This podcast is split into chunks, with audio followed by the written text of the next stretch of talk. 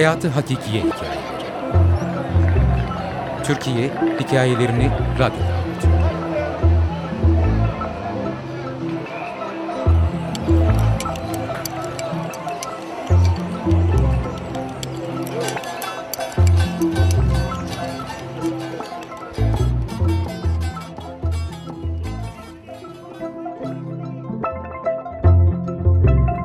Bir lokma ekmek için.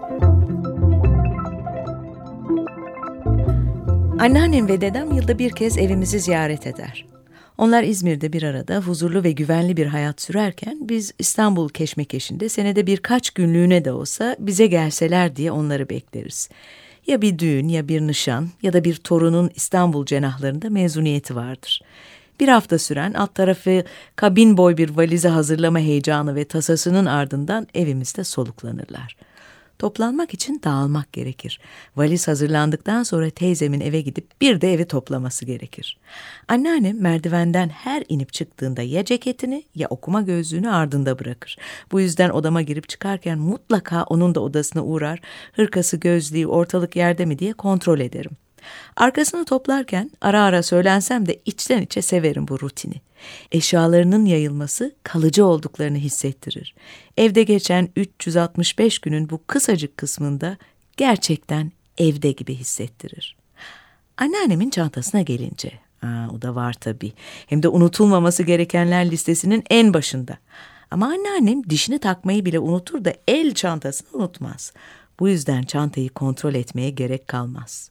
O çantanın içinde ne olduğu küçükken kuzenlerle aramızda efsane konusuydu. Belki de ilk hikayemi o çantanın sakladığı ganimetlere yazmışımdır.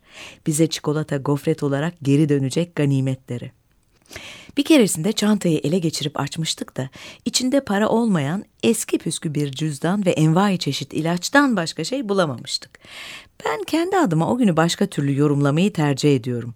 Torunlarının çantanın peşinde olduğunu bilen anneannem akıllı bir hamleyle ganimetleri başka yere saklamıştı. Bir daha öldürseniz açmam çantasını. Zaten boş bir anında yakalayamam. Tuvalete bile götürür çantasını anneannem. Garanticidir, emanetinin bekçisidir. Anneannem şimdilerde Alzheimer denen elemin elinde.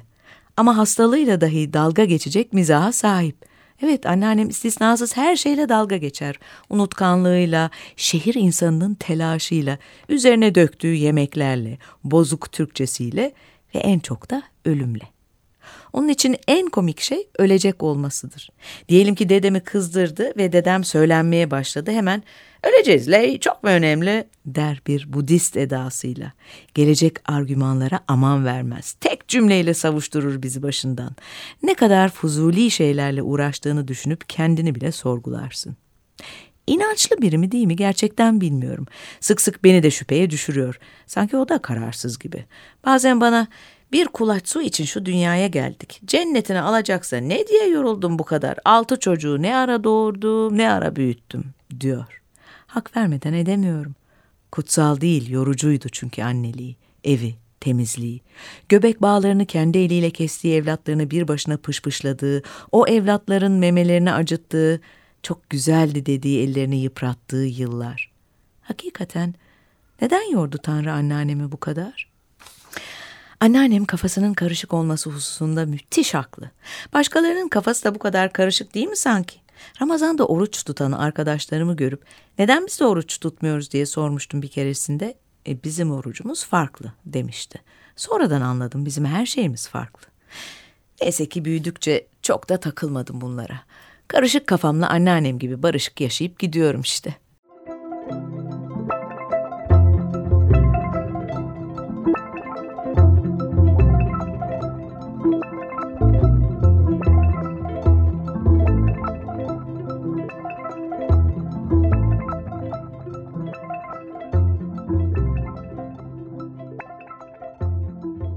Geçen gün yine bir torun düğününden sebep bizim eve geldiler. Her zamanki odalarına yerleştiler.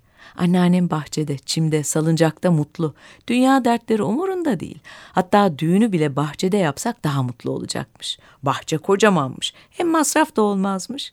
Hastalığı yüzünden kendine güvenli bir alan belirler. Oradan çıktı mı huzursuzlanır. Biz de yılda bir iyi bir şey yapma telaşından boğaza nazır bir yerde dayılar, kuzenler, anneanne, dede ailece kahvaltı edelim dedik. Perşembe sabahı işten izinler alındı, yerler ayarlandı, trafiğe girildi. Evden köprüye varmak için yarım saat, bir yarım saatte sahil trafiğinde geçti gitti. Oysa bu dışarıda yemek yeme işini anneannem oldu olası sevemedi. Her evde bir mutfak varken para kazanmak için mutfak açmak yapılabilecek en akılsız, en ahmakça yatırımdı ki biz de bu ahmakların ekmeğine bal sürmeye dünya yol tepiyorduk. Köprüler falan geçiyorduk. Bir ara çok niyetlendim arkadaşlarla kafe açmaya ama anneanneme bir türlü anlatamadım. Razı gelmedi bana destek olmaya. Ancak çayhane açmana ikna olurum dedi. Çünkü insanlar dışarı çıktıklarında bir çay bahçesinde çay içer, en fazla yanına bir de simit atardı. Çayın tanesi anneannem için hala 25 kuruş olduğundan o da ancak kahvanede, pardon çayhanede kaçak kumar oynatılırsa mantıklı olabilirdi. Anneannem aile düzenini bozacak denli büyük meblalarda olmadıkça çayhanenin dışarıdan görünmeyen kuytu bir yerinde kumar oynanmasına sıcak bakıyordu.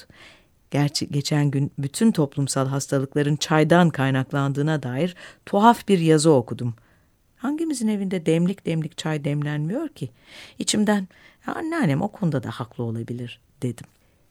Teptiğimiz onca yolun sonunda karnımız gurulduyarak kahvaltı yerine vardık. Arabamızı valeye verdik ki bu vale işi de anneannemle ayrı bir tartışma konusu. Arabanın çalınmayacağını anneanneme anlatmak, bir yandan da şaka maka umarım çalınmaz diye içimizden geçirmek sabah sabah tatlı bir yorgunluk verir insana. Neyse ki akılsızlar siz bilirsiniz dedi, yoruldu ve bir süre sonra arabadan caydı. Arabayı anneannemin deyimiyle sakal tıraşı bile olmamış gözü felfecir bir delikanlıya teslim ettikten sonra bir sonraki zorlu aşama olan merdiven etabına geçtik. Anneannemin dizi protezdir. Merdiven inip çıkarken yanında birinin olması gerekir. Kahvaltı yerine varabilmek için dedeme tutuna tutuna bir de merdiven inmek zorunda kaldı. Artık ne dese haklıydı. Sabah sabah aç karnına kalkmış, dişlerini takmış, yüzünü yıkasa da uyanamamış, atletinin üstüne sütyenini, koyu renk kilotlu çorabının üzerine açık ayakkabılarını giymiş, arabaya zar zor bacağını bükerek binmiş, saatlerce yol gitmiş, benim sassız müziklerime maruz kalmış, trafikte beklerken bu kadar aracın bu şehre nasıl sığdığını hesap etmeye çalışmış, bizim bu çabamızı anlayamamış, sonunda bir de merdivenlere muhatap olmuştu.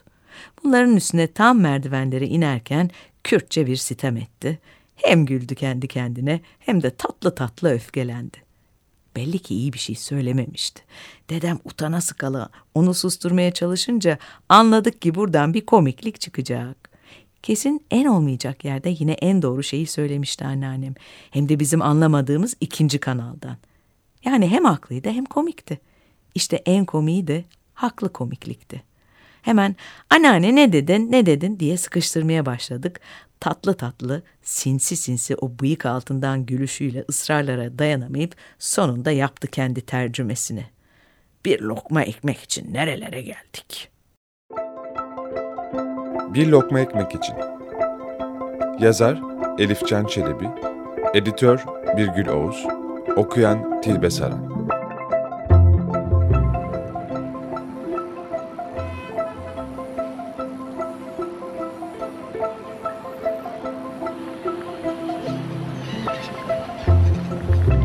Hayatı Hakikiye Hikayeleri Türkiye Hikayelerini Radyo'da